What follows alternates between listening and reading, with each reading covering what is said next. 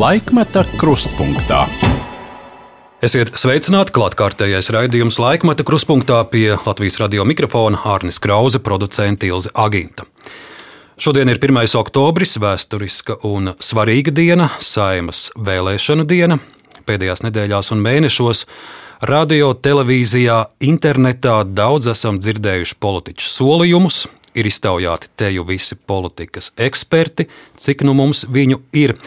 Runāts un analizēts ir daudz, tādēļ šodien uz sarunu izvēlējāmies neaicināt kādu socioloģijas doktoru vai politikas zinātnes profesoru. Tos kolēģi noteikti iztaujās šovakar, kad vēlēšana iecirkņi astoņos vakarā tiks slēgti, bet mūsu raidījuma viesis šodien ir cilvēks, kurš uz nopietnām lietām var paraudzīties arī ar smaidu un humoru. Es pats sev visu mūžu esmu bijis saimnieks, tāds ir mans dzīves princips. Man nepatīk, ja kāds mani komandē, un īpaši, ja to dara režisori. Šie ir aktieri Jāņa Jarāna vārdu, un Jānis Jarāns ir mūsu šodienas viesis. Jānis, sveicināti! Labdien! Nu, patiesi vēlēšanas ir tā diena, kad mēs katrs Latvijas pilsonis varam būt saimnieki un lemt, kuri deputāti turpmākos četrus gadus mums kalpos vai Jānis Jārāns uh, šodien jau ir veicis savu pilsoņu pienākumu? Nu, es domāju, ka pēc šī raidījuma es aiziešu un izdarīšu savu to, kas man pienākās izdarīt. Šī politiskā izvēle bija viegli izšķirties. Vai no vēlēšanām uz vēlēšanām tās simpātijas mainās, vai tāda skaidra līnija vienmēr? Nu, iepriekšējos gados bija tā arī zināms viens, par ko es visu laiku balsoju, viena partija, bet uh, Tagad, tagad tā. Iepriekšējās vēlēšanās arī tā izvēlējos beidzot citu vienu. Un šajās vēlēšanās, protams, ka izkristalizējies. Nu, tur trīs partijas ir pa vienu, tikai jāmā pārējās ir ļoti nopietnas, mm -hmm. kas ļoti grib tur tikt iekšā. No iepriekšējo vēlēšanu pieredzes ir nācies arī vilties savā izvēlē. Nu, protams, viļās jau, nu, nu, nu kā vilties. Nu. Paskatieties šai, šai, kas tagad šī partija, kas bija visu laiku, tā noturējās pirmo reizi, laikam, Latvijas vēsturē visus četrus gadus. Un gāna līdz pēdējam visi gāna. Bet iedomājieties, ja būtu kāds no tiem iepriekšējiem gānītājiem, tagad gānītājiem būtu ticis tur iekšā par premjeru vai tā, gadu, divus augstāk nenoturētos. Ja? Tā kā, bija ļoti grūti šai partijai noturēties. Bija visi tie dabas kataklizmas un viss šie, tie, kas, kam visam bija jāiet cauri. Nezinu, par ko vēlēšu. Gan jau zinu, bet, bet nu, neietekmēsim vēlētāju izvēli. Raidījums nav par to. Bet, uh, Raugoties uz, uz vēlēšanu kampaņu, cik aktīvi Jānis Jārāns sekoja diskusijām, tās bija ļoti daudz, un, un arī pašu partiju aģitācijai. Jā, protams, sekoju, un, un, un es dzīvoju, dzīvoju pa uh, anguri, dzīvoju, lasu sēnes, un vakaros paskatos televizoru, un tā kā man ir virszemes tikai televīzija, četri kanāli tikai, tā kā, tā kā es spiestu skatīties tās diskusijas, un, Nu, interesanti, bet skumīgi un interesanti. Kāda ir sajūta, kāds būs nākamais parlaments? Nezinu, jo ir jau vēl lielākas problēmas mums. Ir. Mēs jau nezinām, kā mēs rīt dzīvosim. Mēs jau nezinām, kas notiks ar Baltijas jūru tūlītās. Vai tur kaut kas paliks pāri no, no zivīm un, un vispār no mums. Kas šodien vēlēšanas, bet kas notiks rīt? Tas ir jāprasa tam, tam augšā, tam bērnam, onkulim. Viņš vienīgais laikam redz un zina. Bet izstāsti viņam tikai savus sapņus, viņš pasmiesies par tevi. Jā. Par vēlēšanu kampaņu es vaicāju tādēļ, ka es paraudzījos arī arhīvos, periodikā, un, piemēram, man priekšā ir 95. gada raksts no laikraksta Ludzas Zeme, un tur ir stāsts par to, ka Ludzā tātad tās ir sestās sēmas vēlēšanas, ir vēlēšana kampaņa. Un uz Lūdzu dodas uh, Latvijas ceļa deputāta kandidāti, te ir Anatolijas Gorbunovs un, un, un Māris Gails un citi. Un kopā ar viņiem arī ļoti liels uh, mūziķu pulks un, un slavenības Margarita Vilcāne, Uldis Markilēvičs, kā te rakstīts, Imantas Babītas jautrie puiši, arī Ojārs Grīmbergs, kas ir interesanti. Ojārs Grīmbergs pats kandidēja no citas partijas, Jā. bet, bet aģitācijas koncertā piedalījās pie Latvijas ceļa. Un tad te ir teikts, ka raksta beigās. Nākas atzīt, ka politiskais šovs Ludzā izdevās, cilvēki bija apmierināti, un kā nobeigumā teica Ludzas tautas nama direktore, tad pateicībā nolieksim galvas Latvijas ceļa priekšā par šo vienreizējo un jauko koncertu. Šo, šo atceries, Jā, ar kādu bet, protams, jā, jā, jā. Un mēs jau bijām tāda jau, nezinu, gadu desmitiem, tā nevar teikt, gadu desmitiem, ne, bet gadu gadiem tāda forša kompānija, Marhilēvičs, Ojārs Grīnbergs, Margarita Vilcāne un Daina Porganta. Mēs partneros, mēs braukājam. Vai nav tādas vietas Latvijā, kur mēs nebūtu bijuši ja, un nebūtu iepriecinājuši cilvēkus. Ja, un, Mēs laikam esam, tā kā es visur intervijās arī saku, mēs esam Porgantu pirmie transvestīti Latvijā bijuši. Jā, kas, kas, mildiņa un skaidri. Nu jā, mildiņa skaidri, kas vilkuši kleitas 25 gadus. 25 gadus, bet nevis ākstījušies, bet mēs to darījām patiesi, no sirds. Cilvēki smējas, ja, un tad, nu, arī, protams, tautas mīlestība momentāli. Jā, pie mildiņas un, un skaidrības mēs vēl nonāksim. Būs arī daži arhīvu fragmenti, bet eh, paliekot vēl pēc vēlēšanām, nu tā, tas lielais satraukums šobrīd daudziem ir par vēlētāju aktivitāti, par Latvijas pilsoņu aktivitāti. Jo no vēlēšanām uz vēlēšanām arvien mazāk ļaudis iet balsot. Pagājušajās vēlēšanās 54% vien devās, un, un ir prognoze, ka šogad uh, var arī 50% pat nesasniegt. Kādēļ tā? Kādas ir tavas versijas, un kuri būtu tie iedrošinājumi vārdi jums uh, ļaudīm tomēr iet un balsot šodien? Es to nostāju tagad dilēmā, tu man saki, kāpēc tā? Es gribētu pateikt eh, diezgan skarbus vārdus par šo. Tad sāksim ar tiem skarbiem. nē, nē, nē, par šo tautu, no kurienes mēs nākam. Bet kā iedrošināt, nu nezinu. Laikam jau Latvijā to tikai des un šņabi iedrošināt. Nu, no agrāk ar banāniem. Na, Bārēji pat, pat uz banāniem parakstījāmies. Nu. Mēs esam latvieši tādi, es te, nu labi, diezgan bargi teikšu, dabūšu, jā. bet mēs esam latvieši tādi ļoti stipri īpatnēja tauta ļoti stipra īpatnēja tauta. Dažreiz paši nezinām, ko gribam, bet katrs no mums zina, ka ir pats gudrākais. Viņš zina, kā vajag un ko vajag darīt un par ko vēlēt. Ja, bet, ja, nu tad ej dari. Nē, nē, kāpēc es, kāpēc pēkšņi es, ja? Nē, nē, lai ir tas tur, tā, tā, tā. Ja, tā, arī, arī, arī koncertus es esmu pārliecināts. Nē, kaut gan Latvija ir milzīga, liela, liela, liela zeme, un katrā novadā, katrā pagastā ir pilnīgi savādāki tie cilvēki. Latvija ir pilnīgi savādāka, ja, un, un kurs zemnieki ir pilnīgi savādāki. Kā nu, pat es runāju ar vienu cilvēku, Latgali, Latgali, ja, Galli, Latgali. Tātad tur ir Jārāni, Mitterāni, jā, visi šie. Uh, citu, nu, it kā franči tur arī tā. Un tāpēc ir tās asinis latgalē tādas, nu, panāšu tikai dabūs līdzi. Bet, bet kurš zemniekiem neaiztiec man? Nē, nē, logi ciet, viss ciet. Ko tev vajag? Ūdentiņu varētu no akas paņemt. 5 eiro lūdzu. Ja, tā, nu, nu, tādi, tādi. Bet visi zina, ko vajag, kā vajag. Bet pats neko negrib darīt. Ja, tā arī, tā arī pa, vienmēr mums pārmet par mūsu humoru. Tas jau nav humors, ko es taisu. Tas ir. Nu, tad parādi, kā. Nu, ko tad es, ko, ko tu man pie. Es saku, bet tu jau tos. Nu, nu, nu, es saku, stipri īpatnēji tauta. Pēc tam paši brīnamies. A, kā tā tā? A, kā tā tā? Nu tā, kāds tu pats esi, tas pats arī notiek riņķītev. Bet, lai paši nebrīnītos arī par vēlēšanu iznākumu, kāds būtu Jānis mudinājums ļaudīm šodien?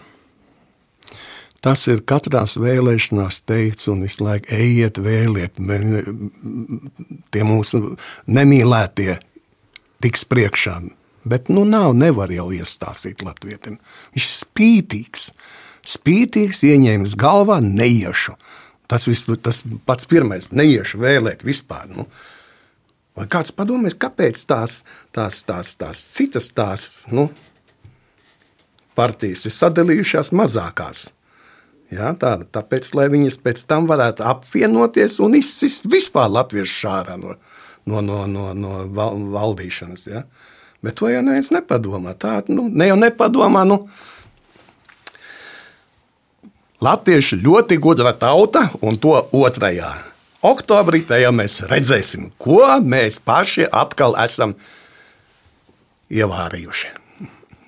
Jā, tevis teiktajā iepriekš ieskanējās arī satraukums par to, kas šobrīd notiek arī plašajā pasaulē, nu, kaut vai šīs nedēļas notikumi, sprādziens Krievijas gāzes vadā Baltijas jūrā, un tur pagaidām vēl ir viena neskaidrības, un vien jaunas vietas tiek atrastas, kur, kur ir šie, šie caurumi, visticamāk, tīši spridzināti. Tāpat tās notikumi Ukrainā, Krievijas šis referenduma šovs okupētajās Ukrainas zemēs un arī Krievijas lēmums šīs sagrābtās teritorijas uzņemt savā sastāvā, kādas, ar kādām domām tu, tu klausies visas šīs ziņas un tam visam sako?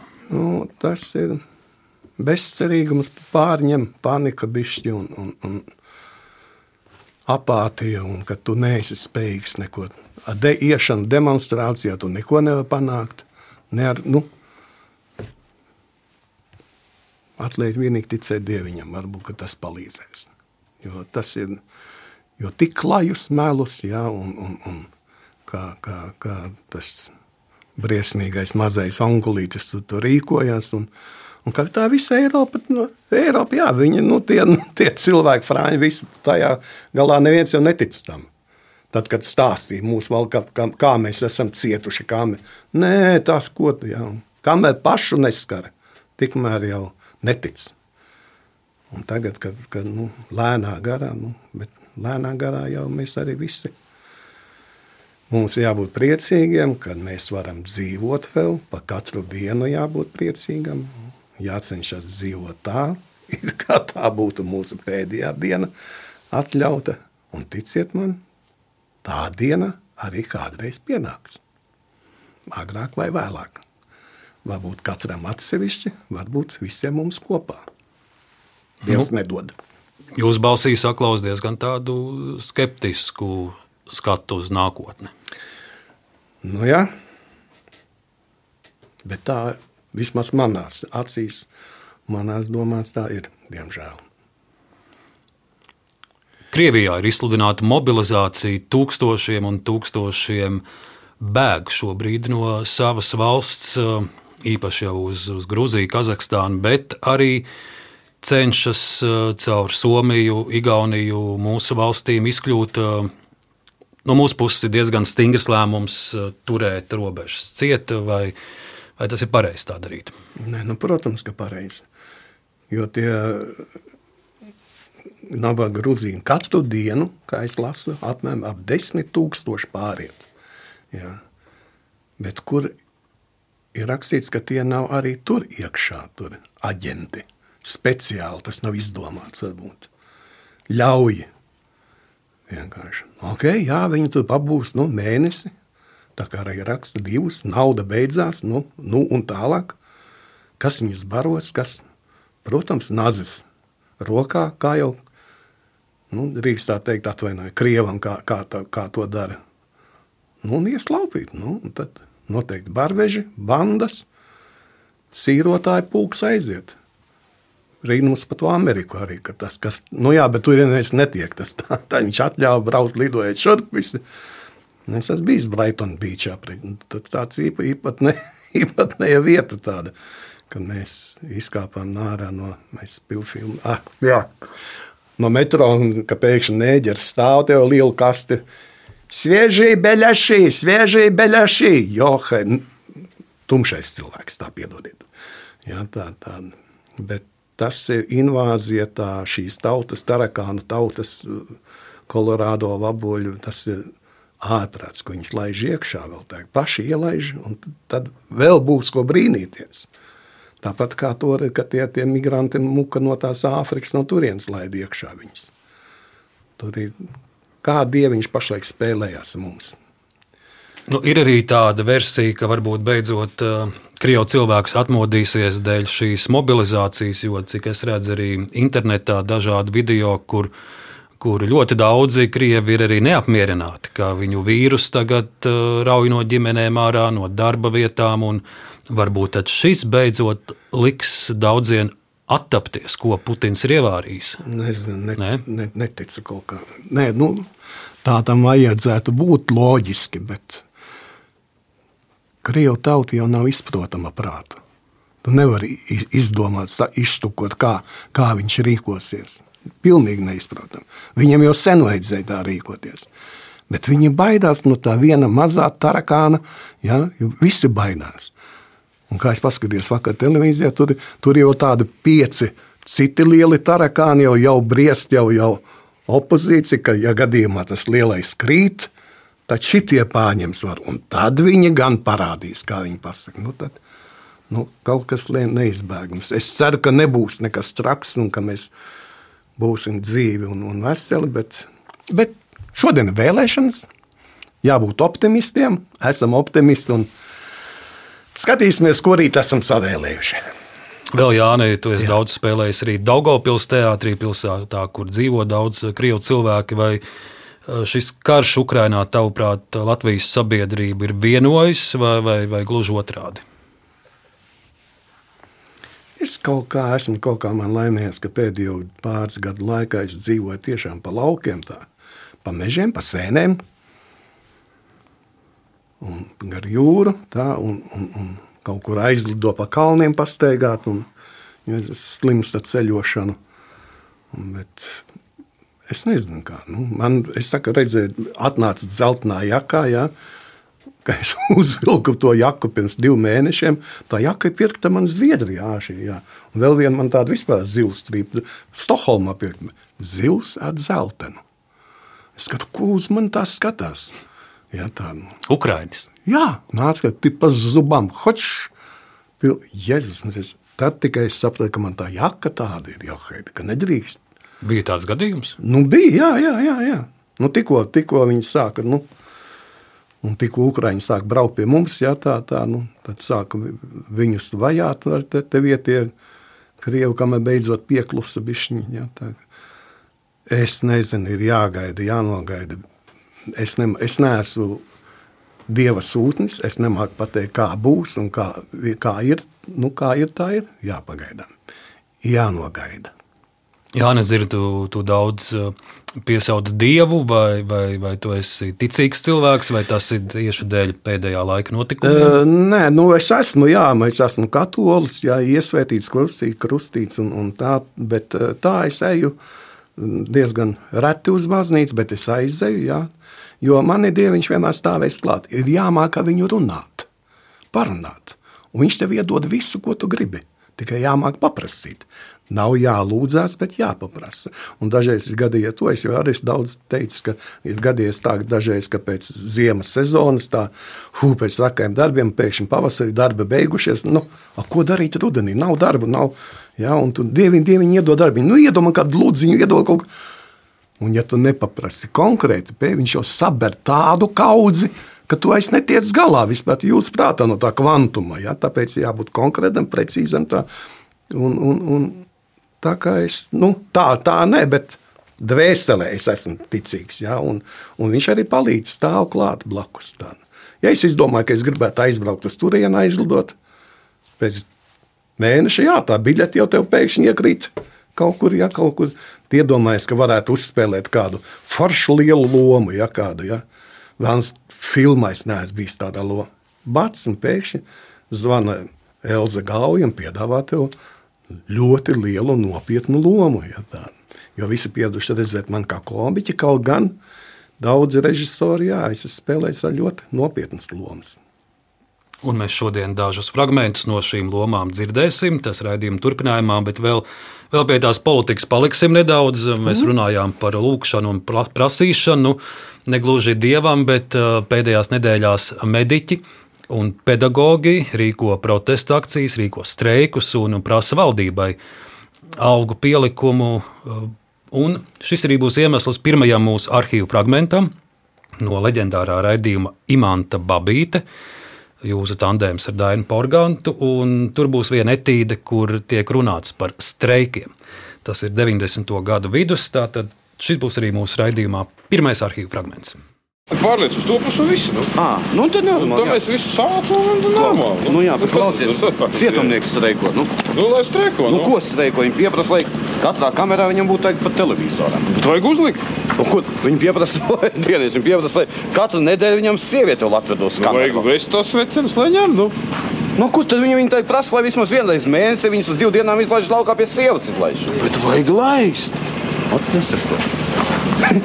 Tad, kad šī streikoja Zinātņu akadēmija, tad nekā neteica. Nu, tad viss ir kārtībā.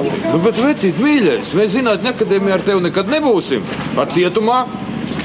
Nu, nu, tu jociņ. Tad. Nu, jociņ. Ej, reku mums mazākums nāk. Ah, frakcija. Cepļa kungs. nu, kā tad, kā tad iet ko? Klausies. Sen tu paņemši šo te sekretāru. Tas baigā bitīm, ne? Kas ir? Viņš sen jau mūs visus krāpj. Visus trīs krāpj. Kas tu klausies, vecais? Kas ar tevi godāts drūms? Kas, ir? kas noticis kaut kas? Ar sievu kaut kas kārtībā nav? Sieva viss kārtībā, sieva atpūšas. Ir Grieķija, Grieķija. Jā, jā. Nu, tā, bērns, slimīgums? Nē, bērniem arī viens Oksfordā, viens štatos, viss ir kārtībā, viss ir kārtībā. Nu, varbūt tas to mašīnu kaut kāds ir? Nē, mašīna, mašīna, viss kārtībā. Mašīna ir glauda, dabūja tā pēdējo 600. Nu, tāpat, nu, māja, kas ir? Māja kaut kas noticis. Nē, māja skats ir trešo stāvu uzrā. Visi kā visi. Nu, nu, kas tad? Nu, ko tu tur skumjš tāds? Tautai grūti.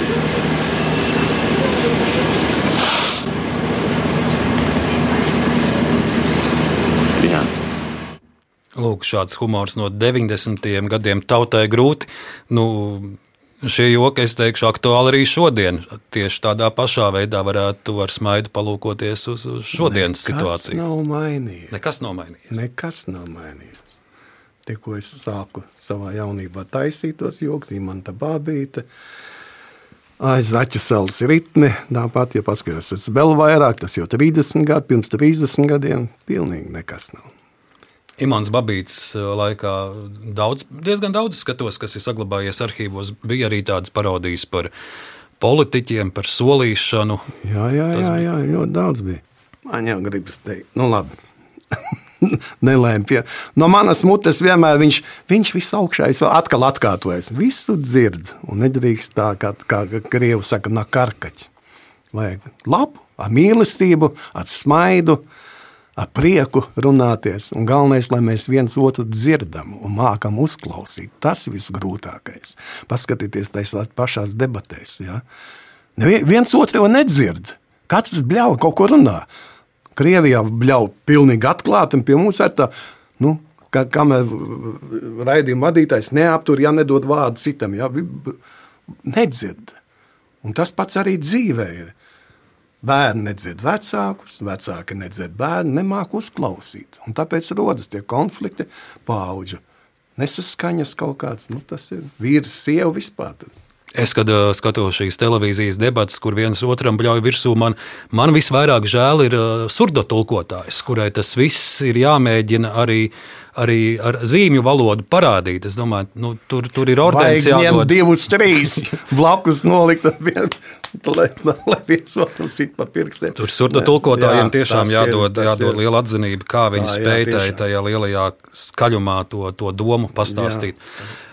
Joki, daži joki mums vēl skanēs, bet, bet būs arī nopietnas lietas, nopietni stāsti un fragmenti. Un Jāni, kā pirmo no tavām aktieru gaitām, aktieru gaitas sākuma posmiem, es piedāvāju fragmentu no Latvijas radiofonotēkas. Tas ir 1979. gada ieraksts. Režisors Arnolds Liniņš, Mindaugs, autors Justīns Marcinkēvičs, no lietuviešu valodas tulkojas Daina Avotiņa. Jānis Jārāns šajā lugā ir karavīrs, Mindaugs Ivars Kalniņš, spēlē arī Evalds Valters un faktiski ļoti, ļoti daudzi tā laika Dailas teātra aktieri. Paklausīsimies mazu fragment no izrādes Mindaugs 79. gads. Par dumpi, ko pret mani gatavojāt, es tevi, Vilikaila, pakārt varu! Tāpat kā Edivili Višli citus! Bet dzīvi cilvēki man vajadzīgi! Es atļauju tev izpirkt savu vainu ar uzticību un ar padevību. Nekur es neiešu, te mana zeme! Tā zeme, diemžēl, visur ir viena un tā pati. Neklausīšu! Par vēlu darīt. Nu, lūk, šeit, nu, tā, tāda ieskaņa tikai mēs ar producentu noklausījāmies uh, šo lūgu no sākuma līdz beigām. Nu, es nesaklausīju, kur tur ir Jānis Jārāns, vai tā bija no tām lugām, kur, kur, kur aktierim ir tikai ar paplāti jāsteigā, vai, vai tur bija. Bet... Diemžēl tā laikam ir uh, lūgas ieraksts, kas bija uh, teātrī. Tā lūga bija uzvesta teātrī, ja, un, un es, protams, kā sargs, nu, mēs tur tā trīs, če, četri gabali vien tā kā sargi, vienkārši stāvējam ar šķēpiem tādi, ja, bet, nu jā, tā, tā kā, tā, tur, tur, tur es bez te, teksta, kā teikt, nemaisos. Nākamais uh, mūsu ieraksts būs, kur ir Jānis Jārāns ar tekstu. Tas ir 91. gada ieraksts šeit, pat Latvijas radioteātrī. Roņa laupītāja meita, režisore Māra Čimele. Un Jānis Jārāns ir uh, laupītājs, mazais klipens. Paklausīsimies. Roņai par godu viņa tukšoja arī daudz alus kausus. Ar to darīdam prieku Matisam, kurš sēdēja godvietā pie galda, reizi pa reizei parādīdams savu brīnumaino bērnu. Šitas te pataisīs borku gluži traku. Lai viņš sēž savā nožēlojamā laupītāju alā un aiz skaudības griež sopus. Piķis un zēvel.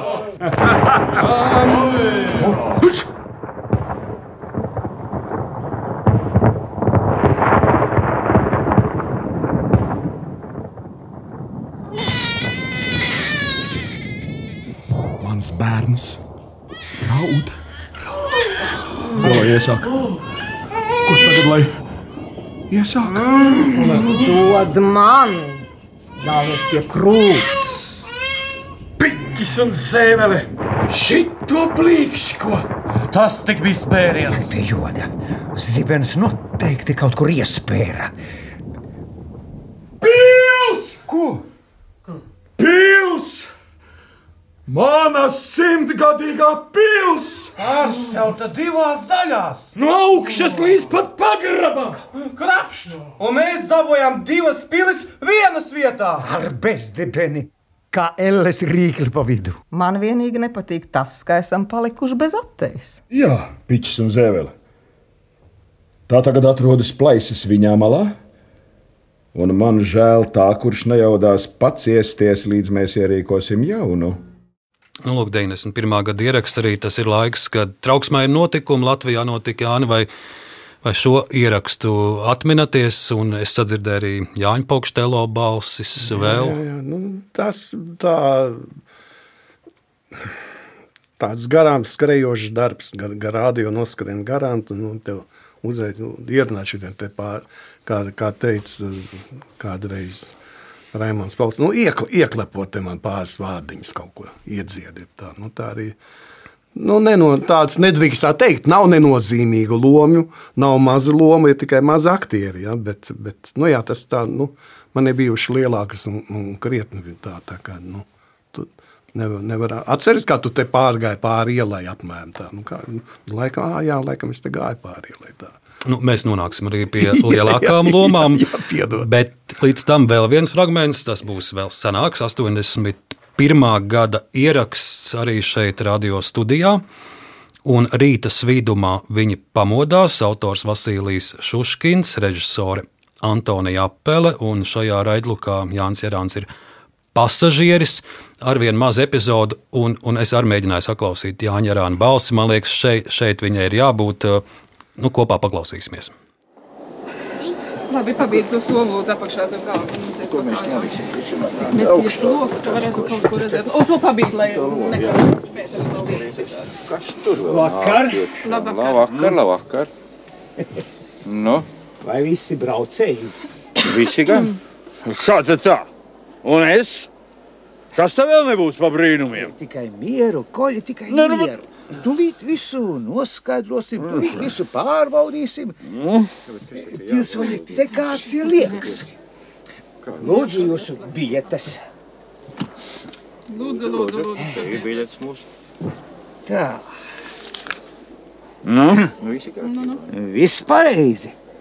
Visi pilnīgi likumīgi sēž savās vietās. Nu, bez Nē, man šitie numuri nepatīk. Kur tad lai es palieku? Nu, parādiet savu biļeti. Nu, lūdzu. Nu? Va...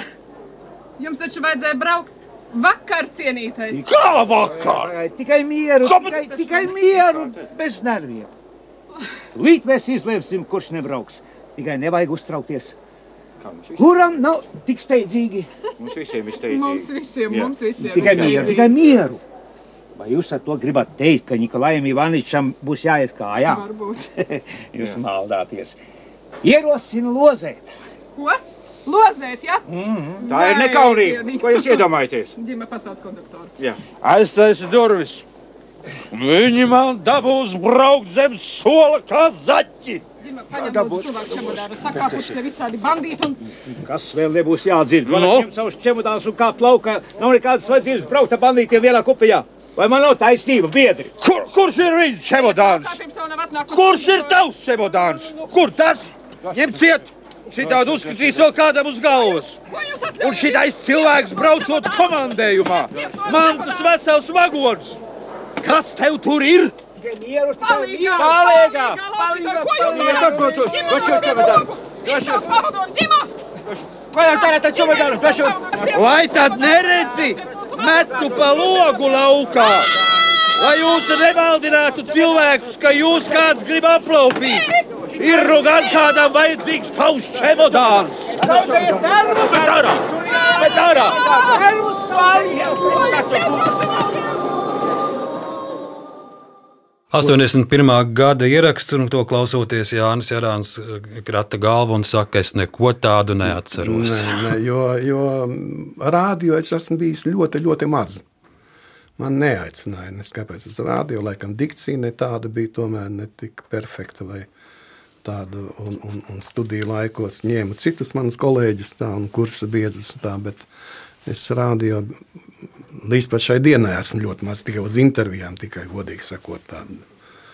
Nu, no radiorežisora puses es nebiju laikam iecienīts. tā Televīzija, jā, citas, visas, visas Latvijas teātros, visos esmu spēlējis. Jā, tas gan.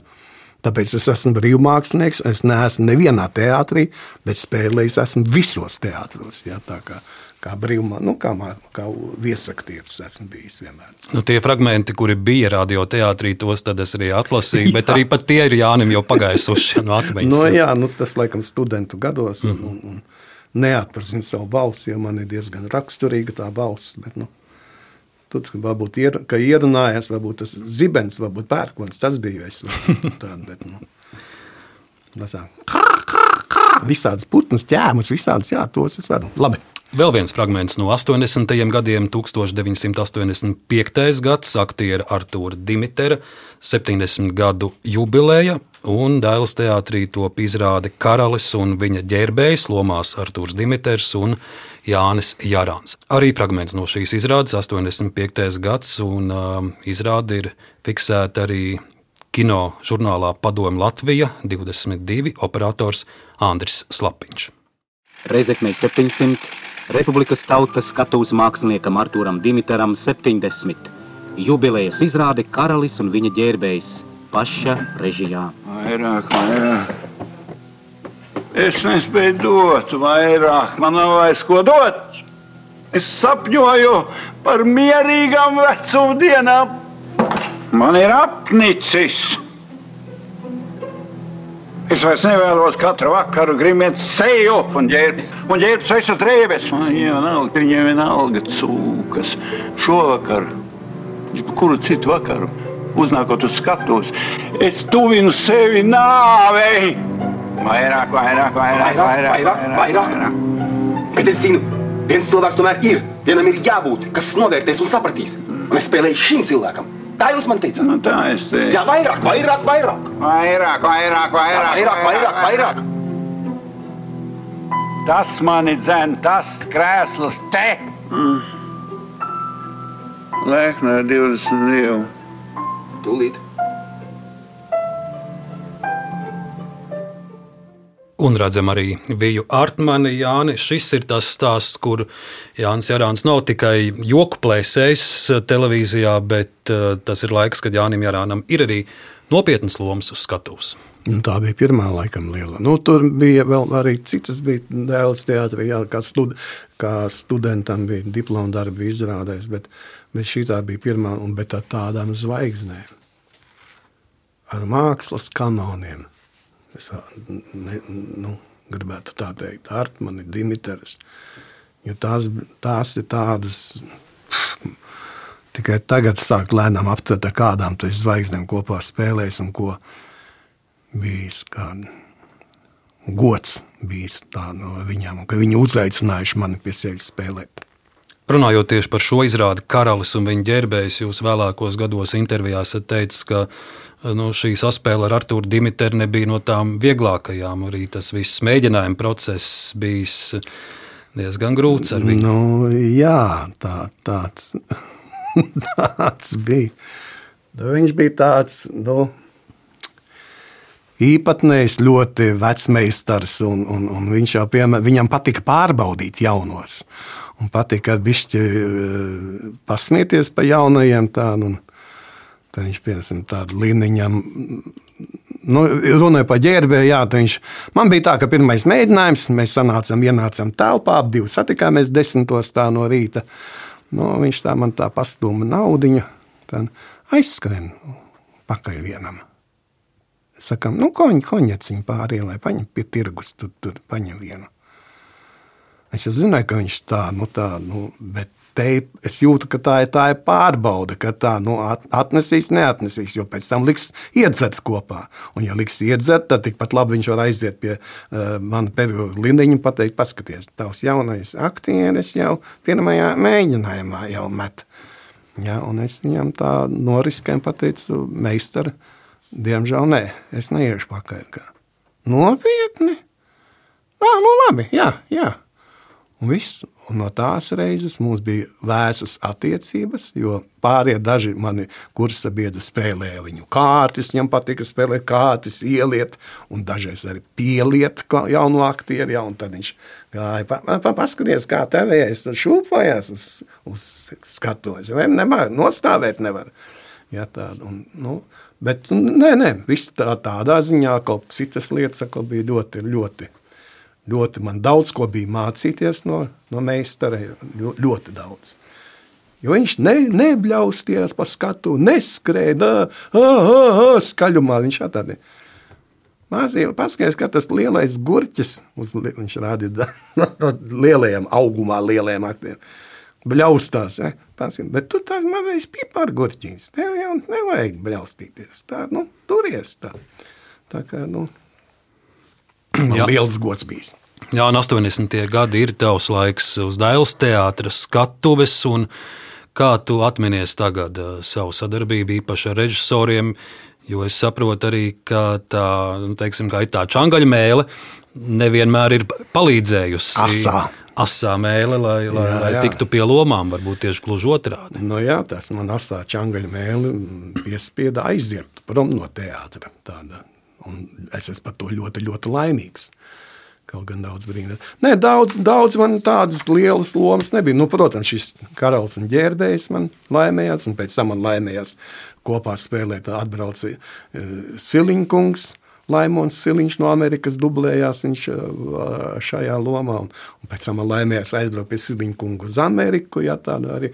Bet tas ir tā, jo tas bija pārmaiņu laiks, kad sākās tā neatkarība. Visi tie viļņi, visi tie tādi. Un tad bija tas laiks tāds, ka tas teātris tā, nu, nu tā, nu, ka, ka auseklīšas lika sprauda un nu, ņēma no tos partijas nozīmes un lielās mākslas dažas. Un, nu, tur, tur tā, un tad, tad man tas bija neizprotami, kā var tik ātri apmest kažoku uz otru pusi. Un tad, un tā kā es jau biju, biju populārs, gan kā miedziņš, gan kā īmanta babīte, man gandrīz vai katru mēnesi bija intervijas kaut kāda visu, visu laiku kūlots par to slavas sviestu. Kā, nu, un, un, un tā jautāja, nu, kā tu jūti šo laiku? Kā, kā? Es saku, nu, es neizprotu, kā var. Kā var Nu, tad, kā drīkst tā mainīt? Aha, un te es biju aiz, aizķēris dažas mūsu teātras nu, lielas aktrises. Nedrīkst saukt vārdu intervijās. Es, es esmu teicis, ja to. Un, nu, tad man uzreiz pēkšņi nāk. Runa ir par Viju Artmani? Nē, nē. Es jums pateikšu, jā, tā ātri divos vārdos bija tā, ka man, man bija ļoti laba draudzene Holandē, viena emigrante. Jā, tādu, un, un, un viņi brauca uz, uz Latviju, un mēs tikāmies. Es viņu vadīju uz, uz izrādēm, staigājām pa krogiem. Nu, kā jaunības nu, tāds teātris. Nu, Un, un, un, un, un, un, un viņa teica, ko tu gribi? Es, saku, es gribētu aizbraukt uz Holandi, kā, kā paskatīties. Viņš kā, ko tev, ko tev vajag? Man, man, man vajag izsaukumu. Viņi man atsūta izsaukumu, tad bija, protams, partijas biroja kaut kāda, izsaucas partijas biroja tādu. Un, un tad ir tur aktrise sēž un, un, un, un viena aktrise, nu, kaut ko tā Jarānam vajag. Un viena no aktrisēm, nu, viņa teica, nelaiķi ir. Viņa teica, Jarāniņ, tu gribi uz Holandi? Tu! Es pat neesmu tur vēl nekad bijusi, un tu gribi. Un tad Dārtaņas kundze teica, kāpēc viņš neaizbrauc? Jauns cilvēks, jauns aktieris. Viņš paskatīsies, kā pasaulē spēlē to teātri, lai puika brauc. Nu. Tā kā Artmanē nemaz nevajag tā, tā pinzlēt viņam ne, tumšām krāsām. Viņa nemaz dažreiz nav bijusi tik šis gaišs, gaišais tēls. Tāds, ja? Tā kā ir, ir visādi. Tā kā Un tā kā es, man sāka dot, nomainījās eh, režisors galvenais teātris, ja, un sāka uzreiz, protams, es paliku uh, masu skatos vairāk, ja, un es biju tas it kā normālais, uh, normālais normālā tapa. Kā teikt, kas ir, ja kāds nodzēries, es varu dienas laikā aizvietot viņu. Bats, bats, man vienmēr piezina, klausies, šo vakarā tev izrāda, tev, tev fiks jāiemācās tas un tas. Nu, tas man kaut kā kaut kā, kaut kā bišķi apnika. Man jau sāk piedāvājumi, nepārtraukt koncerti bija pa visu Latviju, visu laiku kaut ko. Ko es te trinos? Kāpēc, kāpēc es te vergoju kaut kādu? Nu, Jo tas ir tāds verga darbs, man kaut kā nāca apgaismība. Jāiet prom. Un, protams, liela, liela popularitāte jau to laiku bija arī miedziņam, miedziņa tēlam, vai, vai Jā. tas savā ziņā netraucēja tam aktieru darbam, ka režisori neteica, ka tas, tas miedziņš jau pārāk sāk dominēt. Jā, viņi daudzi baidījās, un arī tā dažreiz arī bija. Kā lielā, lielā izrāda nopietna tā, un, un, un nu, teiksim, Jārāns stāv kaut kur aizmugurē, kaut, kaut šķēpu vai kaut ko. Ja? Un viss ir rekur, rekur, miedziņš, rekur, miedziņš, miedziņš, mamma, kur, kur, nu, rekur stāv, rekur tā. Ja? Un klanās lielie meistari, lielās dāmas. Ja? Nu, tss, Nu, kā tā? Nu, un puķis dažreiz gadījies tā, ka noskrien garām tam, tam lielajam māksliniekam, iegrūž man iekšā, jā, jo bija jau tā tautas mīlestība nopelnīta, kā, nu, nu, dabūta jau. Tā, tā kā, nu, protams, arī tā, tāpēc. Bet Tas nenozīmē, tas man nozīmē, es aizgāju uz teātru. Kabata, ja, man piedāvāja, saka, citos teātros, un lielas, skaistas, tiešām lomas. Un galvenais, ka tev ir skābeklis galvā, ka tu neesi vienā kolektīvā, kur tu dienu un naktī redzi to pašu seju. Šoreiz tev viņš ir jāmīl, ah, tas, tas ir viņai uztaisījis bērnu. Tas, ja, tas ir tādā purvā, tādā nepārtraukties vienā tādā purvā, un grūti izrauties no viņa ārā. Un es, man laimējās, ka es izrāvos. Un es elpoju, es braucu pa visiem teātriem, un es sāku ceļot pa pasauli. Ja? Es sāku baudīt, man iemācīja viena kundzīte, tā pati Holandas kundzīte, ka dzīvi vajag baudīt.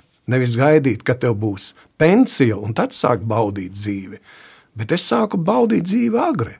Jo iemācījos, bet tikai tā, lai tas netraucē darbam.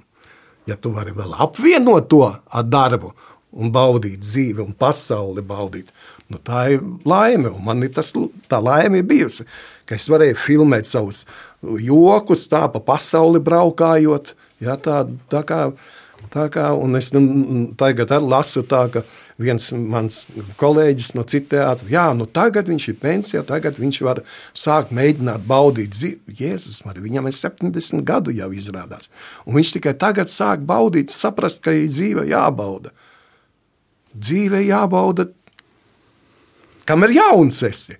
Un, ja par jaunību, tad turpināsim ar stāstu par to, kā padomu jaunatne baudīja dzīvi. Tagad būs vairāki fragmenti no tavām kinolomām, un kā pirmo es izvēlējos no filmas Vajadzīga soliste 1984. gads režisors Genādijs Zemels, mūzikas autors Zigmārs Liepiņš. Tātad īsumā stāsts ir par to, ka uz estrādes dziesmu festivālu valkā ieradušies vokāli instrumentālie ansambļi no visām Baltijas republikām, un nav paveicies Valgas kolektīvam Maska ceļā viņu mašīnu apturējusi autoinspekcija, un tur ir dažādi sižeta pagriezieni. Un arī Jānis Jārāns ir šajā filmā. Mazs fragments no Vajadzīga soliste 1984. gads.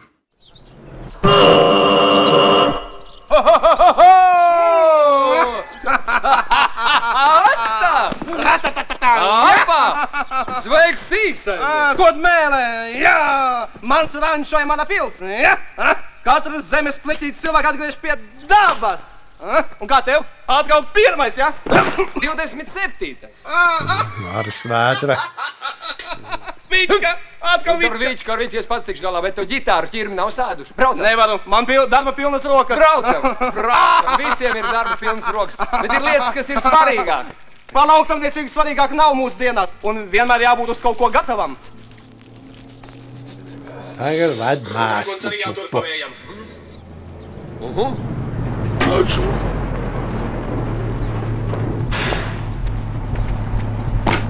Un tas ir tālrunis aboliņš. Ja? Jā, prasi? Ček, ček, kvart, kvart pa mantu, kvart pa vešu. Paņēmis, kur tu varētu dabūt? Ev aizdod, rīt atdošu. Un tu tiešām domā par to smirdoņu maksāt? Ko tu saproti, zēniņ? Tepat mēslim ir zelta vērtība. Nu, kas ir ņems to kravu vai neņems? Es tu atdošu ļauj viņam. Labāk skaties, ka iegries tiešā. Tā ir cita lieta. Būtu labāk palīdzējis.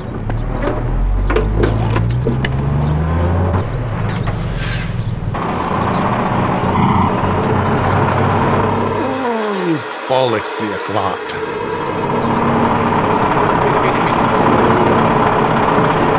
Nesēs! Ko tu pārdos tirgus vēl tur? Bet tu redzēsi, tas te teicu, treiz atgriezīsies.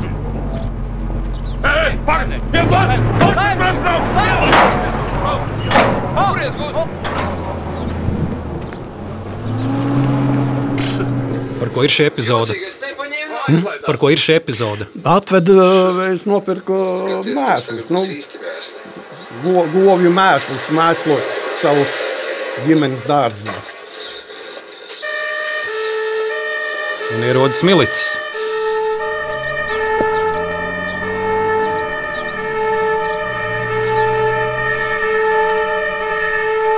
Vismaz prieks, ka reizi gadā šo filmu rāda. Un kārtībā. Un džinsi, džinsi. Un zināt, ar ko tas viss beidzās?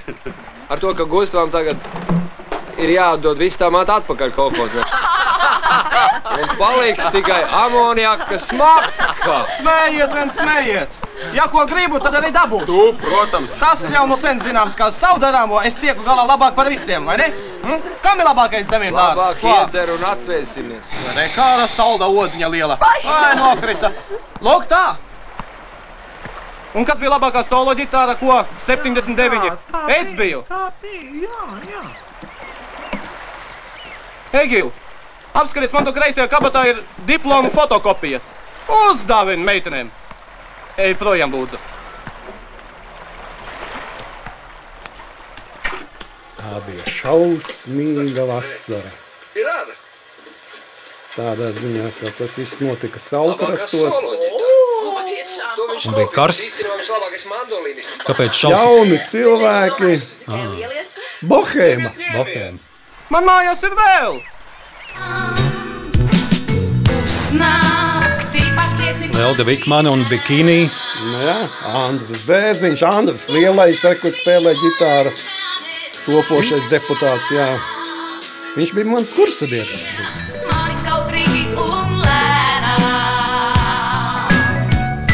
Skaisti jaunība. Un Jānis Jārāns, kurš, kā pats saka, intervijās nepazīst nevienu noti, te spēlē ģitāru. Jā, jā, jā.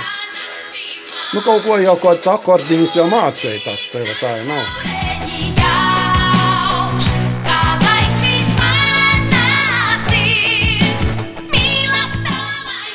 Jauni, skaisti.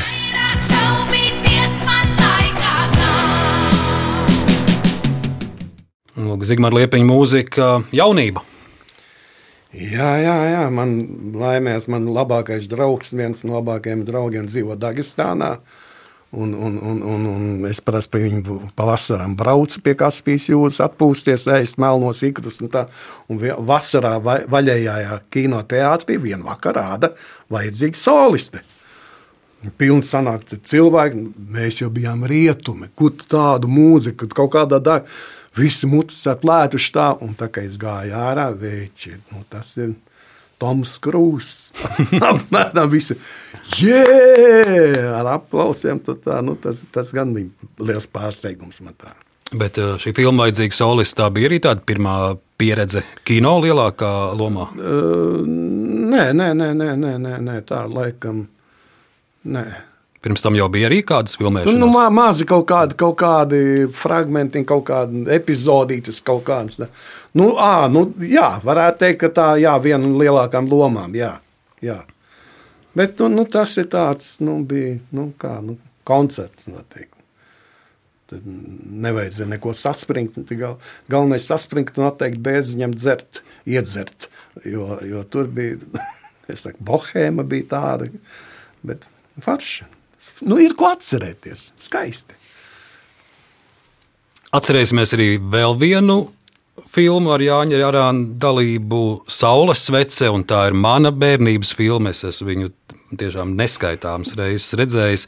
1987. gads režisora Lūcija Ločmele, un īsumā stāsts par eh, Māri, kurš ik pa brīdim pastrādā kādu nedarbu, bet uh, patiesībā viņš ir labsirdīgs zēns, kurš grib sagādāt uh, savai mammai kāzu dāvanu, izaudzēt meža klājumā skaistu augu saules sveci. Un Jānis Erāns šajā filmā ir eh, uh, kolhozs brigadieris. Un tad nu, arī šeit viens dialogs ar Māri un viņa draugu. Ah, Na, tā parādīju! Au! Tā, tā notiek! Augšā! Mierā! Mm? Biedra brigadier, mums vajadzētu kādu darbiņu. Darbu! Nu, labi, darbu. Tikai tādu vīriešu, vīriešu. Jā, mums vajag tādu tehnisku darbu.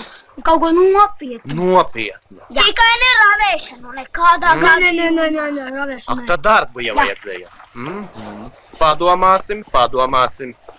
Vīriešu darbu, Jā, tehnisku. jā. Mm -hmm. Man jau vakar tava mamma zvanīja. Jā, nu labi.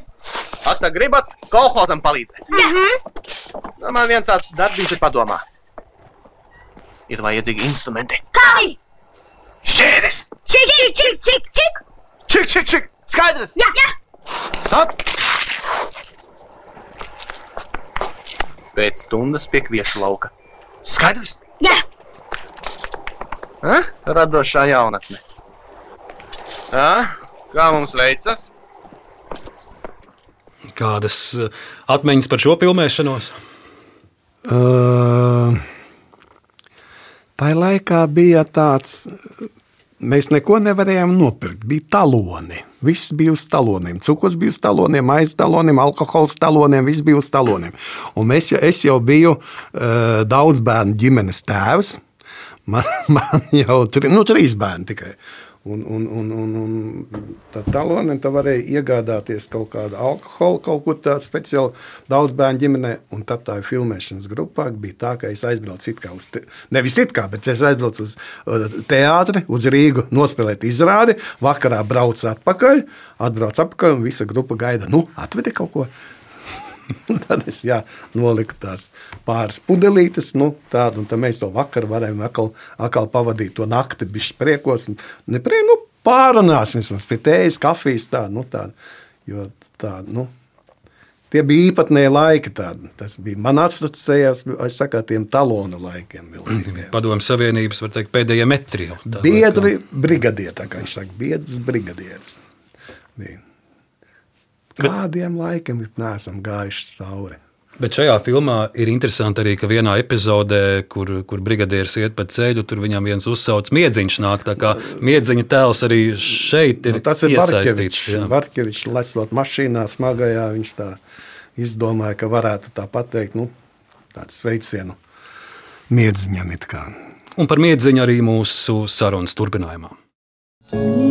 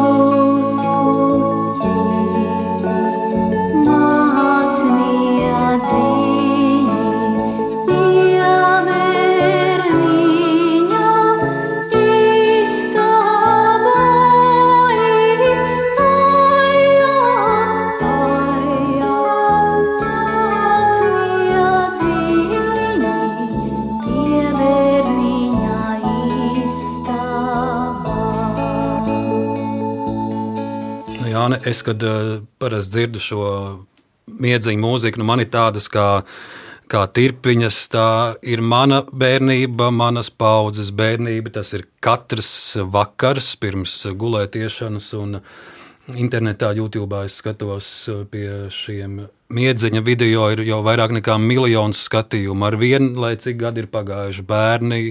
Kur vien latviešu bērni būtu, kurā pasaules malā viņi joprojām skatās miedziņu. Kā miedziņš ienāca tavā dzīvē?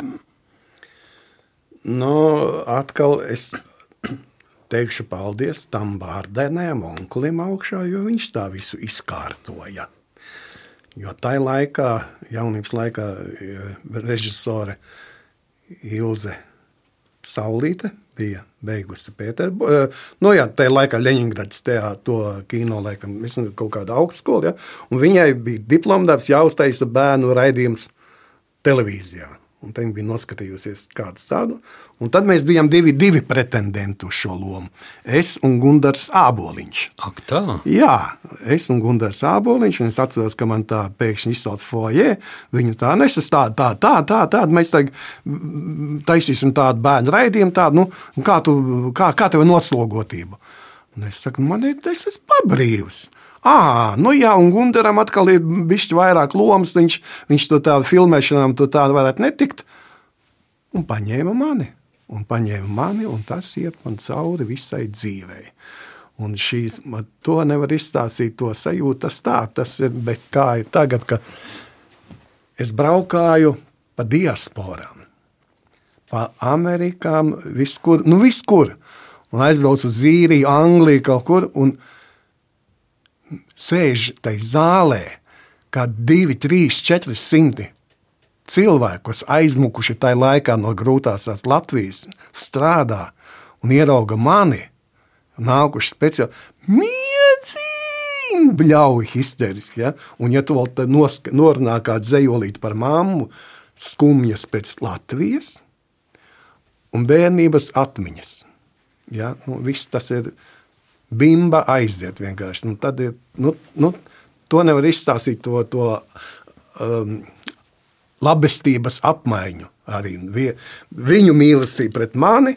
Un es, protams, nedrīkstu kaut ko tādu atļauties citu, vai tā, nu, viņa tā savstarpējā mīlestība, tā man iet visu laiku cauri. Ja?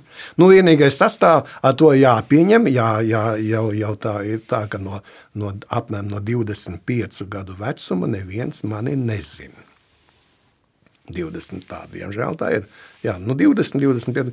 Tad brīnās, tā, ka pienāk kāda mamma klāt. Man, oh, miedziņš, panāču, panāču. Tiem, tiem bērniem. Kas ir? Reku miedziņš. pan- A, Ko tu bučo to bādēnu? Veci, ka, kas ir? Viņš ir miedziņš, saproti. Nu, ko, nu, nu, neko, neko nevar darīt. Ja? Bet, bet agrāk bija tā, ka tu pa ielu nevarēji paiet. Tā. Jūsu bērni arī gāja gulēt ar miedziņu. Nē, Nē?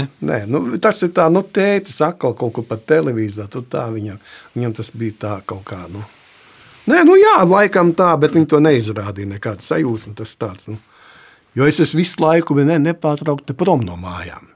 Prom. koncerti, ieraksti, pats producents saviem raidījumiem, pats producē, pats meklē naudu, pats, pats režisē, pats, pats spēlē, pats koncertēs vakarā, naktī pa pasākumi. Ja? Tā kā tie bērni ir uzauguši, diemžēl manas meitas ir uzaugušas bez manas klātbūtnes, jā, man pateicoties tikai sievai, jā, tā kā, tā kā, nu. Katrai medaļai ir divas pusītes.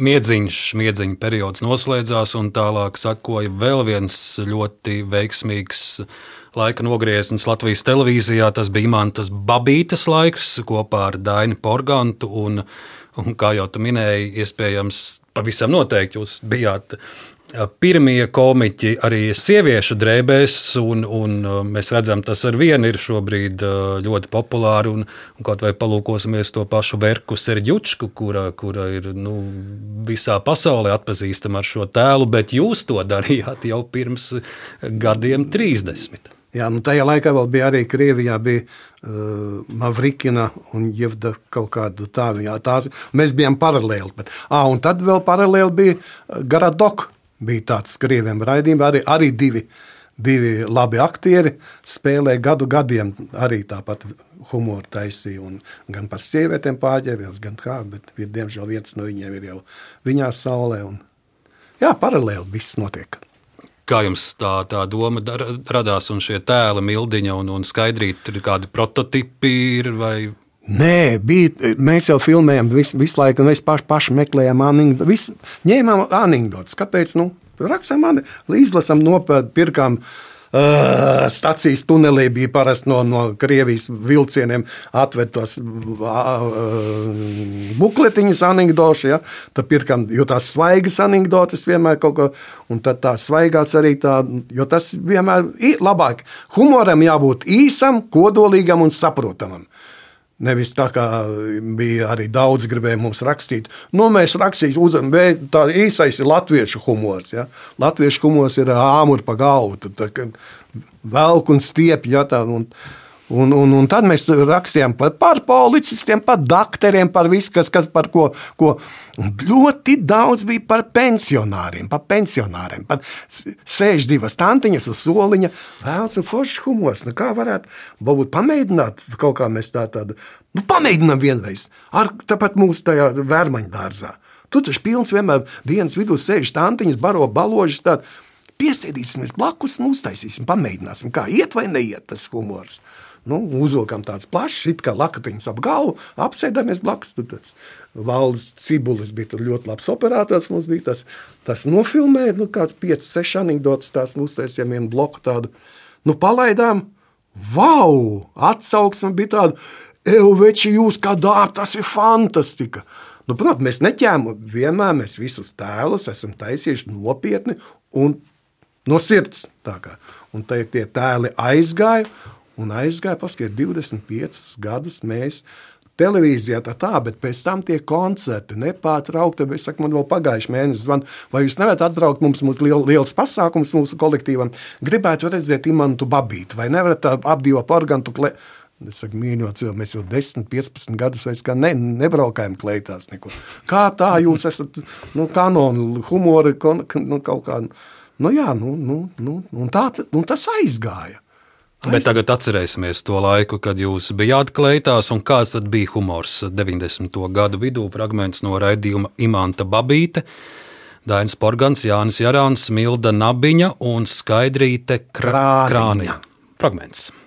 Vai, nu, piedod, Vildiņ, nu, atvaino, nu, nu gadījās, nu, saprot, nu, netiku trā, trājēbusē iekšā, šeit, tā, družiņņi ar tiem zemesargiem kopā apstādināja, visus izmet ārā, un tad... Izstādi sen atklāja visu šampaņu, aizgāja, aizgāja garām. Nu, bet tā varbūt atnesīs vēl, tā kā, nu, pagaidīsim, nu, nu, Ai, nu, Vildiņ, nu, nu, neņem ļaunu. Labi, ka tas mūsu terapijas uzaicināja uz savu pēdējo izstādi. Jā, jā, jā. Sīlis, sīlis. No? Siļis, siļis, vai kāds viņš tur maigs? Paskaties, viņam kādas smukas gleznas. Jā. Es mēs tā neievēroju. Jā, A, tu nezini, tu jau viņu vairāk pazīsti. Jā. Kāpēc viņš tā? Smukas gleznas taisa aizgāja, tomēr uz to medicīnu aizgāja. Nu, nu redzi, Mildi, nu? tur ir tā, vai ne? Nu? Ka redzi, tai, tajā gleznā, redzi, ka tu uz, uzpinzelē, nu, kā mākslinieks uztaisīja. Ja? jā. Tad redz, ka tu tās kļūdas redz. Nāk tie skatītāji, jā. tur roka pa Jā, jā, jā, tā jā. uzzīmēts kaut visādi. Jā. Jā. A, a medicīnā, redzi, tās no. kļūdas visas aiziet līdz ar slimnieciņu aiziet tajā kapiņā. I, Ui, jā, jā. jā. Un tāpēc tie mākslinieki daudzi tagad iet, zina, pārtaisās pār dakteriem. Jā, jā, jā, otrādi nāk. Otrādi. Otrādi nāk. Jo. Nu, Lūk, šāds arguments. Vai, vai toreiz bija arī varbūt kādi nezinu, konservatīvie spēki, kas teica, kā tas tā var būt, ka Latvijas televīzijā tur, tur aktieri pārģērbušies un sieviešu drēbēs un ķēmojas, vai tāda kritika nebija? Nē, nu, mēs jau sākām redzēt tajā zaķu salas ritmi. Tad, tad tur, tur mēs attaisījām tādus nu, uz nāža asmenis par, par, par krieviem, par, par komunistiem. Tādu, un, un tur jau parādījās arī pirmo šie daži, daži tēli, tie sieviešu tādi. Un, un tad mēs vienmēr gaidījām pēc tā raidījuma, pēc zaķisāles ritma gāja tikai 31. decembrī vai 1. aprīlī. Ja, divreiz gadā. Tad. Un tas bija kā divi, trīs gadi laikam pēc kārtas. Ja. Un vienmēr gaidījām, ka mums atnā- atnāks pakaļ vai kāds no stūra mājas vai kaut kā. Bet nē, nē. Un, un vienmēr, kad gāja garām, tad tie lielie priekšnieki, ja tā piemiet zāci, parādīja īkšķi tā, tā, nu, jo mums ļāva, ļāva tā, nu, kad sāka, sāka ļaut, nu, tad iedot tik mazam pirkstiņu, iedot tādu, nu, tad, tad jau mēs sameklējām Gerkenu, Gerkens sameklēja mūs, ja, un tad aizgāja tādā, un tad aizgāja tā, tāda, nu, nu jā, sākam peldēties bišķiņ la, labsajūtā un tādā nodrošinātībā. Nedaudz. Varējām atļauties labus klipus taisīt, varējām Marķelēvičam samaksāt par, par, par aranžējumiem, par, par to. Varējām jau atļauties kaut ko finansiāli arī lielāku, un, un, un, un tur tā imantā babītē tie muzikālie klipi arī tā pie, nu, Pirmoreiz atļāvāmies, atļāvāmies meitene ar plikām krūtīm, jā, tā, nu, bet, bet ētiski. Nu, tagad jau, tagad, ja, ja ne, neiet kāds pāris skatu vai pliku dibenu, tad tā nav māksla vairs. Jā, bet, bet tā, tā laikā bija tā, kā bija. Un šodien pieminēsim arī vienu no režisoriem, Imantā Babītē, Tolai Kristīnai Balāvina. Jā. Arī ļoti, daudz uh, šie klipi ir, ir, ir viņas. Jā, jā un praktiski veidoti. visa montāža, viss, viss tas, tā, ir, tā, tā ir viņa. Un pateicoties, ka es esmu tāds sastapis, mēs sastapām stā, stājoties iekšā teātris fakultātē, Dainam Porgantam, jo mums bija saprašanās no, no pusvārda. Mēs varējām viens otru papildināt, tikai iedot fabulu par ko, par ko tēmu, un mēs varējām viņu pīt un pīt riņķī. Jā, un, protams, Kristīna atkal tā montāžā viņa bija. Nu, fantastiski vienkārši to darīja. To. Nu, un, protams, operators Valdis Cibulis, kas bija tā laika Latvijas televīzijas viens no labākajiem operatoriem. Un šie joki ar vienu turpina savu dzīvi. Tagad jau internetu vidē, jo es redzu, piemēram, YouTube ļoti daudz ir uh, imantas, babītas uh, fragmenti ielikt. Nezinu, kā tur ir ar visām autortiesībām, bet, bet viņi ir ļoti daudz un, un, un ļaudis viņus skatās ar vienu. Nu, jā, protams. Jā. 90. protams, nāca ar dažādām pārmaiņām arī televīzijā, un jau pieminētais Gerkens raidījumos sāka parādīties arī reklāmas.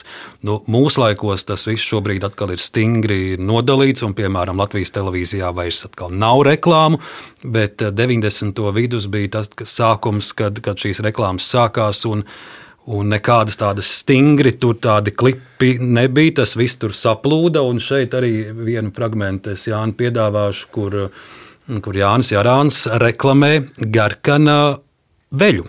Arī apakšveļu. Uh, Nē, nezinu, laikam, Lelda Vikmane jā, jāatcer. Jā, jā, bet nu, jā. paskatīsimies, tad, tad, tad kļūs skaidrs, par ko ir runa. Sveicināti! Šoreiz es vēlētos ar jums parunāt par veļu. Firma Gerkens un Co. bieži ir reklamējusies televīzijā, radio, presē, bet ir nianses, ar kurām mēs gribētu jūs tagad iepazīstināt. Vispirms es gribu parunāt Klausītāji neredz, bet te ir Jānis Jārāns, puspliks ar motorzāģi. Un smalkais zīts lieliski pieguļ augumam. Tos varētu iegādāties arī citur, bet pirmā Gerkens un kā ir. Tā ir Kristīnas balss, režisors. Viņai ļoti samtaina balss, patīkama. Un te ir cenas, garkana veikalā naktskrēklu 12 plati, pidžāmas pa 10 platiem. Mēs darbos veikalos. Un līdz ar to paši esam zaudētāji. Ja jūs gribat iepirkties firmas Gerkens un ko veikalos, un Rīga jums šķiet par tālu, tad atcerieties, vai pierakstiet šīs adreses. Nu, nu, vesels Jā, trīpa jā. ar garkanu veikaliem. Nu, mēs to varam tagad reklamēt, jo garkanu veikala vairs nav. Bet, bet uh, tas, tas jums tolaik bija, bija liels atbalsts. Ja, lai... Nu, jā, nu, bija tie laiki, tiešām, ka nebija to reklāmas aģentūra, nebija nekas. Es pats domāju, pats izdomāju. Un, un bija vēl tāds raidījums arī Jānim Jārānam 70. Tāds lielu, lielu šovu es uztaisīju, lielu, un, un, un tur nāca iekšā daudz. Jo man, man tajā laikā bija vienkārši. Es varēju pieiet pie jebkuras uh, rūpnīcas, fabrikas vai iestādes direktora durvīm. Labdien! Labdien! Iena. O, jā, Rāni, jā, Heidi, nu, ar ko man palīdzēja? Pal, pal. Es saku, man televīzijā tāds un tāds un tāds raidījums, var, man vajadzētu, bet es noreklamēšu jūsu preci. Izmaksājiet man ceļojumu pirms uz turieni, jā, apmaksājiet biļetes, un, un es jums ielikšu iekšā to. Jā, nekāda problēma. Ja, un, un es biju pirmais, kas sāka šīs reklāmas, pats domāja, pats Gerkens bija tas uh, firma, kura bija pirmā, kur, kuru mēs ap organu arī sākām apspēlēt. Kā. Nu, protams, ka viņš mums apmaksāja visādas ceļojumus, visu ko, un, un tā viņš bija priecīgs. Gerkens un ko mēbeļu nams. Jā. Kā viņš pats teica, tikko sestdien parādās mēbeļu imanta babīja televīzijā, svētdien mēbeļu nams izpirkts. Čigāni, visi tie braukam naudu, krīvi, visi izpērk. Mēs bijām, nu, zelta vēr, vērti, kā teikt. Bet, uh, prot, nu, tur ir atkal, nu jā, par tām naudām tā mums maksāja tā, bet mēs jāmāk padalīties. Un, un, un mani pārvilināja projām uh, ēķis uz LNT. Viņš teica, nu, tu jau laikam, tu te televīzijā, kaut gan viņš pats no Latvijas. Viņš teica, nu, cik tu, tu, tu, tu esi tā un tā? Viņš saka, vecīt, ne jau tev jāmeklē nauda priekš visiem. Tu esi zvaigzne, un mums jāmaksā tev, ka tu tāds esi. Tevi tā, jā, ar to. Tad es sāku bet tā laikam arī ir. Jo es pelnīju naudu, nu, naudiņu mēs pelnījām, un, un es, nu, es biju priekšnieks, kā, jā, arī producents tas, un es dalīju visiem operatoriem, gaismotājiem, devām tai laikā skaidrā naudiņu, un visi bija. Pie Jārāna, Jārāns filmēs, okay, ko, kā, ko tev vajag, ko, kādu tehniku tu gribi, to viss bija, nu, tā kā kapitālismā. Kaut ne, un tā, nu, tad sāk parādīties visi tie spilleri un tie, tie reklāmas kantori, kas, kas bez viņiem nē, nu, kad teikt, naudas slaucēji, kas pēc tam tik iedeva. Nu, jums tik un tik pienākās tikai, ja, un paši sev. Es esmu startnieks, un viss nauda pienākās man. Tas, nu, bija tāda laika bija. Bet, Jā, vēl palūkosimies vēl uz krietni senākiem laikiem. Es vēlos arī, lai, lai tu nedaudz pastāsti par um, savu dzimtu. Es saprotu, tēvs nāk no Aglonas, māma no Baltiņavas, un Jānis Erāns ir tīrs latgalietis. Nē, Nē, Nē. es esmu pa daļai latgalietis, čūlis. Jo vecāki man abi nāk no Latvijas. Jā, protams, tēvs nāk no Aglonas, mamma nāk no Baltiņas. Viņi abi atbrauca uz Rīgu, šeit sapazinās. Ja? Un tad pēc pāris gadiem uztaisīja mani. Uztaisīja mani, uztaisīja pēc deviņiem gadiem manu māsiņu, un vēl pēc deviņiem gadiem, kā saka, zilonim pēc 18 gadiem man brālīte ir uztaisīja. Ja?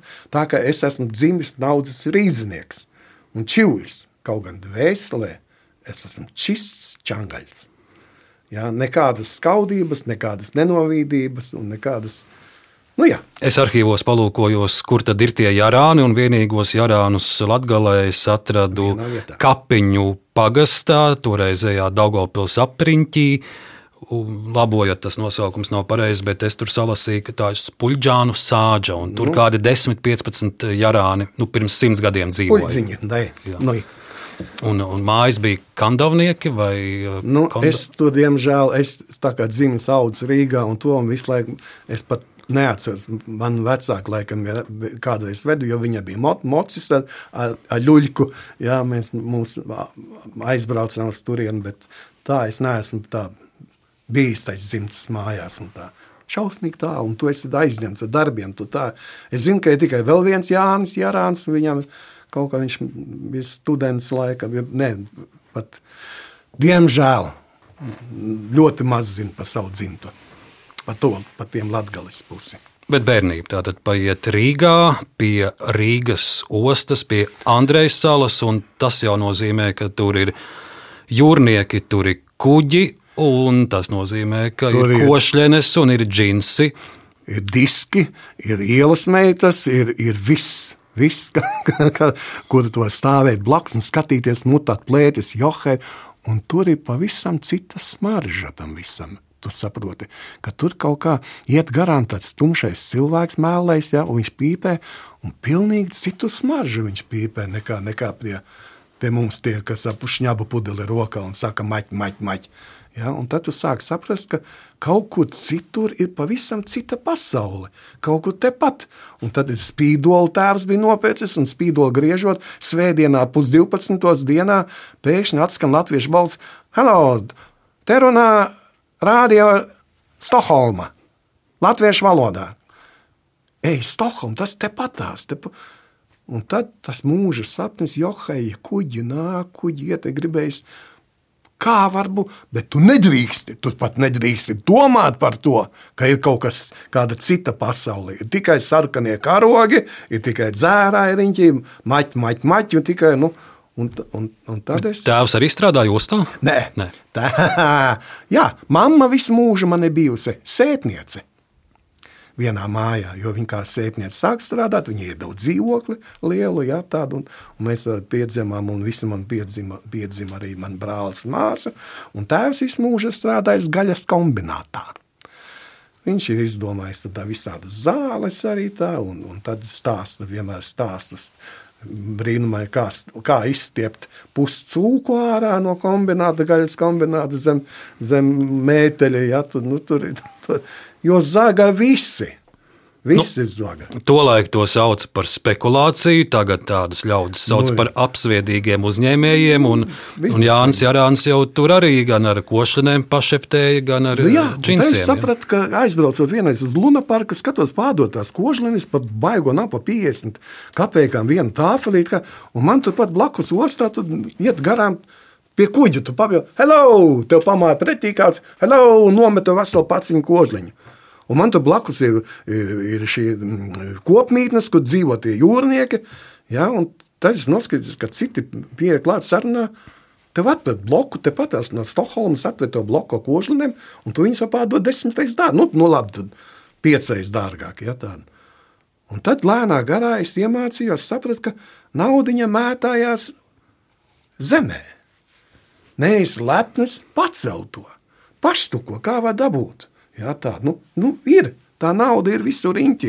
Tāpēc jau daudzi latvieši tie biznesmeņi arī apģērbīgi nu, un, nu, uztaisa to. Nu, kaut. nu, man laimējās tā, ka es sapratu, ka nabaks nepalikšu, tāpēc ka jāmāk pacelt. Un es saprotu, Jānis Jārānam arī vienam no pirmajiem dēlus teātrī ir video magnetofons mājās, kur arī pat lielās zvaigznes nāk, nāk skatīties. Jā, man laimējās aizbraukt uz to Holandi. Beidzot, izrauties, man atļāva aizbraukt, un tur es nopirku video magnetofonu un atvedu mājā. Un tad bija uh, pat teātris. Partijas birojas nāca ciemos, jo man atkal varēja tās kasetes, bet mēs skatījāmies labas filmas. Tad, tad bija tie naktas seanse, kad noskatījās kādas trīs labas filmas un beigās porņuku. Ja, tad pat tiem, laikam, desmit rubļi bija tas viens tas seans. Ja. Un man bija liels dzīvoklis, 30 kvadrātmetru. Istaba viena liela, ja tā sasmērē maizītes lūdzu. Nu, un pats pierējis mākslinieku izbaudi labas filmas. Toreiz Valentīna Freimana teica, kuras ieteica, kuras vajag skatīties, kuras redzēt, ja, un lekcijās. Un, un, nu, tā tas. Vēl par tiem bērnības pusauģu gadiem ostas rajonā. Tur jau, cik es esmu lasījis, bija arī nu, ne gluži ielu bandas, bet nu, tur bija tādi grupējumi, piemēram, korejieši pret, pret kosmosu. Ka, Jā. kas tas viss bija? Kas kosmos, tas bija man tieši man blakus mājai.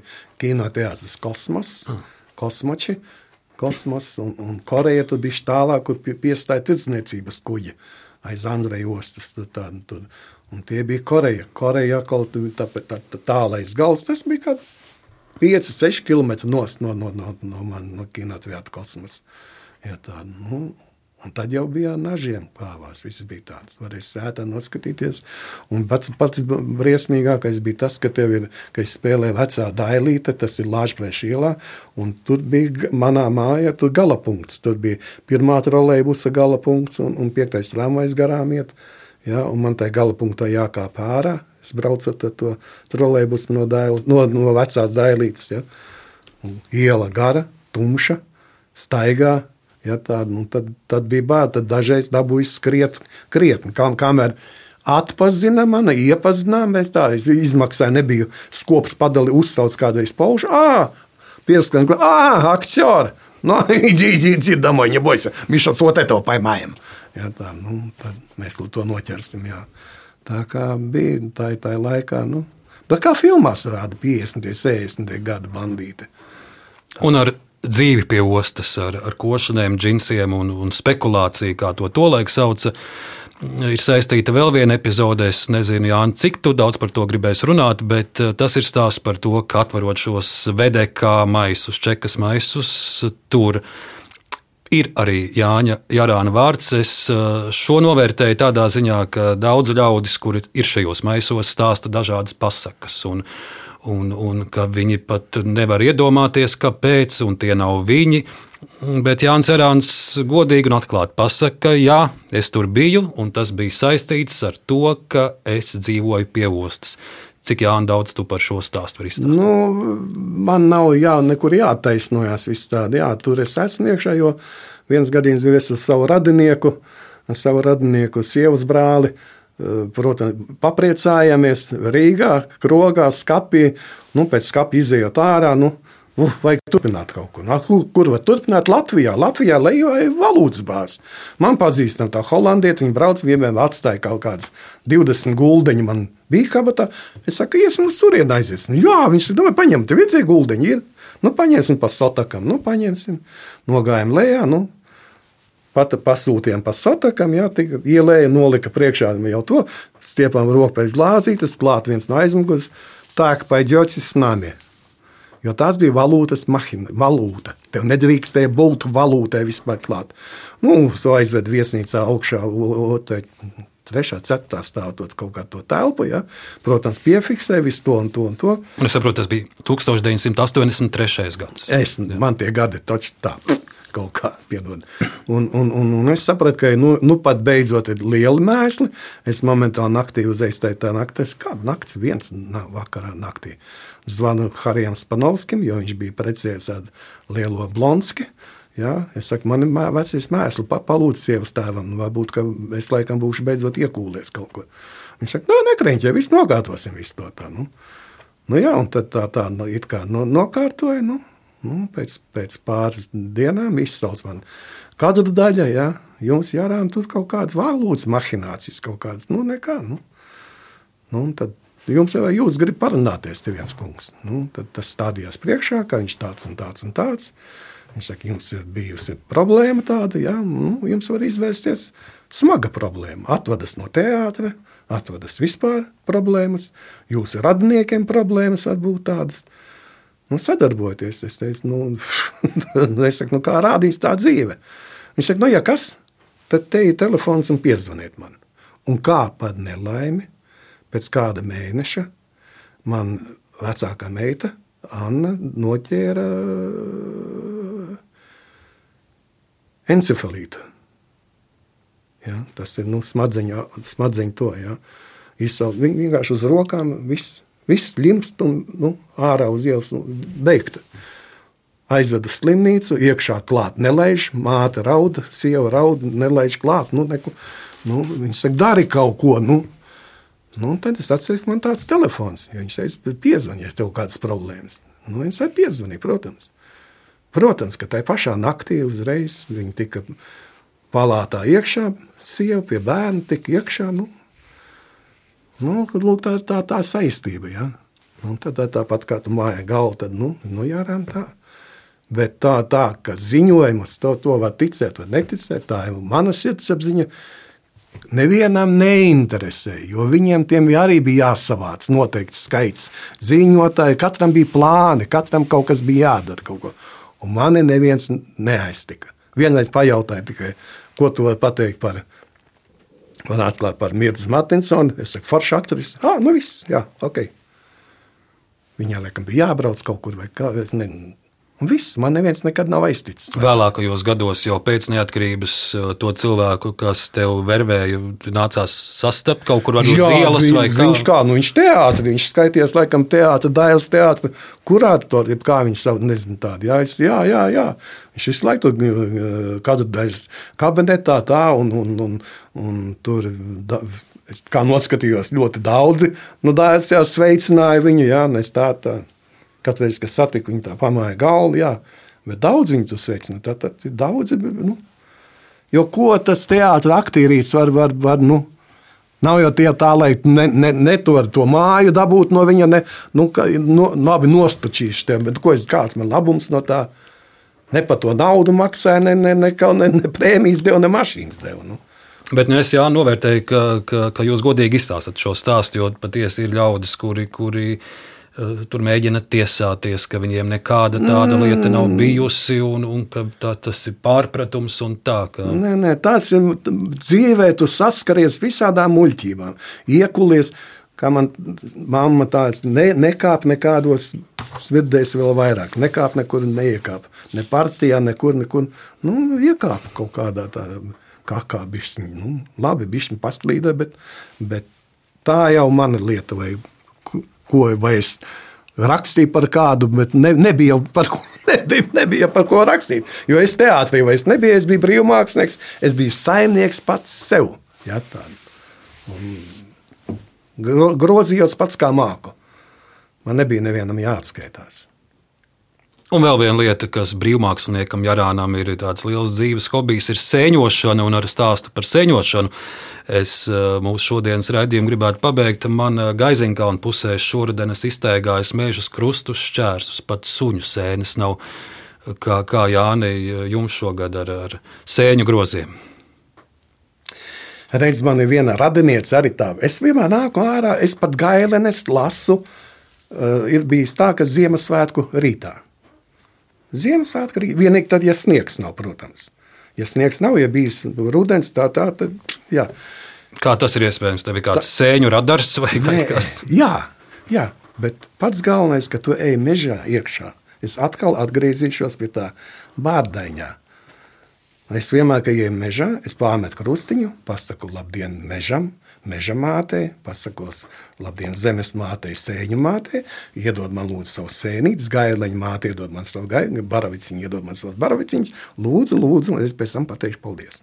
Es eju iekšā, un man ir Protams, man tur ir savas vietas, piemēram, gaileņa vietas, tur angurē, kur es aizēju. Es eju tā kā uz siltumnīcu. jā, Es eju tajā, un vēl, vēl 3 km tur, atkal tur, ja, un pilns grozs. Bet es eju iekšā pulkstenis pus septiņos no rīta. Pusē septiņos. Es esmu iekšā, un es nāku deviņos ārā, tā kā visi brauc ar mašīnām iekšā un ierauga mani. Ā, Un es rādu, ah, atkal jārāds visu nolac, nolasīs. Jo, ja. Tā kā ir jāzina savas vietas, un tas tur augšā meža māte, tas viņa palīdz. Vajag pateikt, un tad, kad tu ej laukā, tad pateikt paldies, paldies par to, par to, par to groziņu, paldies tev. Jo viss apkārt, kam mēs dzīvojam, viss ir dzīves. Ūdens ir dzīves, koki ir dzīvi, visa daba ir dzīva, un visi viņi dzird. Tāpēc ūdenim arī vajag pateikt paldies, ka tu dzer viņu no rīta, vai kafiju kaut ko pateikt, iedod man spēku, veselību. Nu, vienalga, kāds ko, ko kuram vajag, iedod man naudu vai kaut ko, nu, jeb lomu. Ja? Un viņš dzird, viņš jau uzklausa. Un pēc tam pateikt paldies. Un katru dienu es arī sāku ar tādu nelielu lūgumu šai dienai. Un ejot gulēt, es arī pasakošu šai dienai par to, ko viņa man devusi. Raidījuma sākumā mēs daudz runājām par politiku un šī brīža trauksmēnējiem notikumiem arī pasaulē. Ja, ja runājam par to, kas ir augšā, un, un ja Jānis Jārāns lūgtu par to, lai mēs varētu dzīvot mierā, kādi būtu tie vārdi, kāda, kāda būtu tā lūkšana. Domājot par to, kas šobrīd notiek, Mums ir jāmīl viens otru. Mums ir jāmīl, mums viens otru jāmīl, jāpiedod, jāuzklausa un jābūt laimīgiem. Kaut arī tu esi mans ienaidnieks, bet man jābūt laimīgam, ka tu esi dzīvs, ka tu esi vesels. Jo tas viss nāk atpakaļ. Būsim veseli, laimīgi, mīlēsim viens otru un ticēsim, ka tas mazais rupucis, ne tikai viņš, arī tie pārējie Kolorādo, nu kāds viņus samīs, iznīcinās. Un dzīvosim laimīgi. Klausītāji to neredz, bet tā ar asarām acīs šeit, radio studijā, saka Jānis Jārāns. Jānis, liels paldies šodien par sarunu. Paldies! paldies. Raidījuma autori Arnēs Krausa un Ilza Ginta par skaņu rūpējās Elizabete Šaicānava un Reinis Budze. Pateicamies par palīdzību Nacionālajam arhīvam. Jāni, mēs tagad dodamies uz, uz vēlēšanu iecirkni.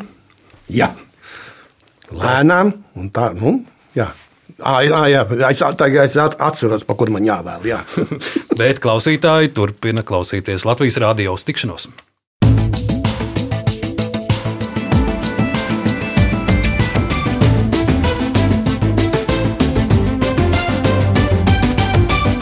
Laikmeta krustpunktā.